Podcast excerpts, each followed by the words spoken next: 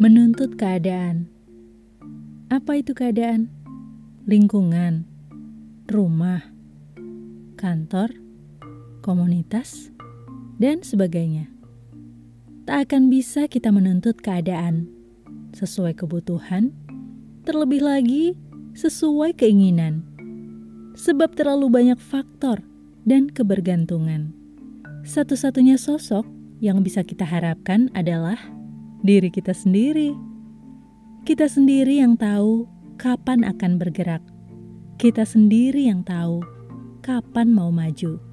Kita sendiri yang tahu kita mau lakukan atau tidak.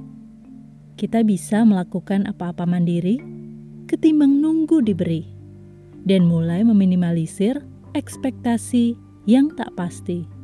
Jadi, ketika ada orang lain berbuat baik, lingkungan sekitar, atau keadaan kita baik, itu adalah karunia yang selayaknya disyukuri.